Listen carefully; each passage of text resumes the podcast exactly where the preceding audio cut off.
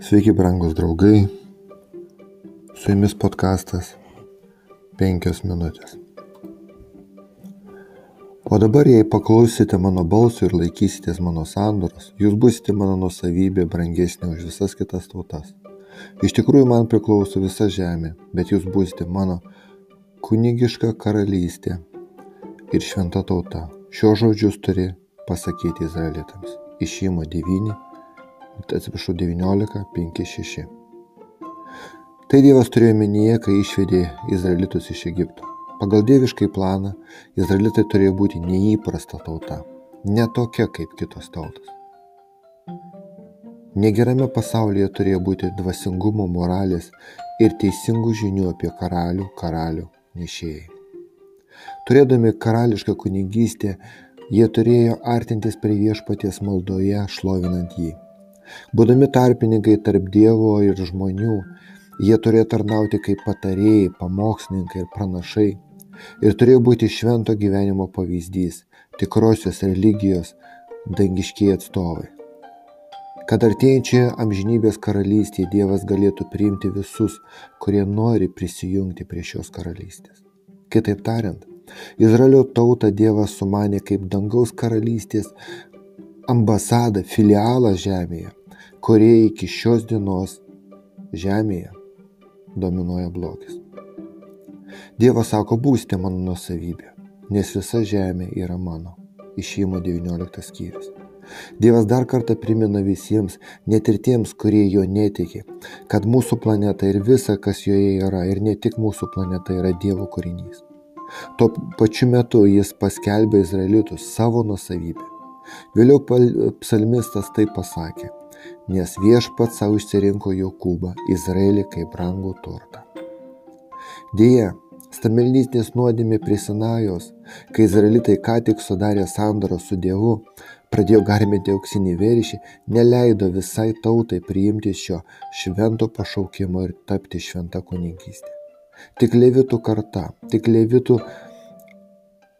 dalis pasirodė iš Izraelio visa dalis esanti ištikima ir nedalyvavo šiame maište prieš Dievą.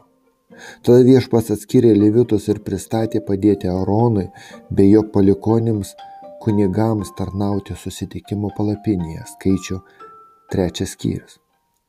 Levitai turėjo tapti ne tik Dievo įstatymo vykdytojais, bet jų, bet jų ir mokytais ir vykdytojais. Net jeigu Izraelis norės atmesti Dievą kaip savo karalių, išsirinkti karalių žmonių tarpo, būtent levitai turės parūpinti, kad karalius turi viešpaties įstatymo knygos kopiją, kurią jis turės atidžiai skaityti visas savo dienas, kad jis išmoktų bijoti viešpatį savo Dievo ir vykdytų visus įstatymo žodžius. Pakartoto įstatymo 17 skyrius. Visgi, levitai ir kunigai ne visada liko ištikimi savo pašaukimu. Pranašas Malachijas gyvenęs Ezros ir Nehemijo laikais priekaištavo kunigams ir levitams už tai, kad jie sulaužė Levio sandorą ir daugeliu tapo blogų pavyzdžių. Malakio antras skyrius. Jie nemokė įstatymą, o jie ir mokė, tai jų pačių darbai netitiko mokymu. Jėzaus Kristaus metu kai kurie kunigai ir rašto, sakykime, toros žinovai inicijavo Jėzaus persikėjimą ir jo nukryžiavimą. Tie, kurie buvo Dievo nusavybė, sukilo prieš savo viešpatį. Apaštalas Petras, kalbėdamas apie Kristų, jį lygina su akmeniu įdėtų į pamatą, ant kurio yra statoma nauja Dievo tauta. Dabar Dievas krikščionių bendruomeniai patikėjo levitų ir kunigų privilegijas bei pareigas ne kaip tautiniai grupiai, bet kaip visuomeniai buvo pavesta iš kiekvienos tautos sukurti vieną didelę dvasinę šeimą visame pasaulyje. Paulius pareiškė, nebėra nei žydo, nei graiko, visi jūs esate viena Kristuje Jėzui. Galatiečiams trečias skyrius. Petras tęsė, jūs, tai yra krikščionis, esate išrinktoji giminė, karališkoji kunigystė, šventoji tauta, įsigytoji liaudis, pašaukta išgarsinti šlovingus darbus to, kuris pašaukė jūs iš tamsybių savo nuostabę šviesą. Pirmas Petro laiškas antras skyrius. Tiesą sakant, apaštalas cituoja išėjimo 19 skyrių. Žodžius ir taiko juos visiems tikintiems Kristuje. Kristaus bažnyčia tampa ta dangaus ambasada, kur yra pašaukta nešti Evangelijos žinį ir įgyti tautų, Dievo karalystėje. Su jumis buvo podkastas 5 minutės.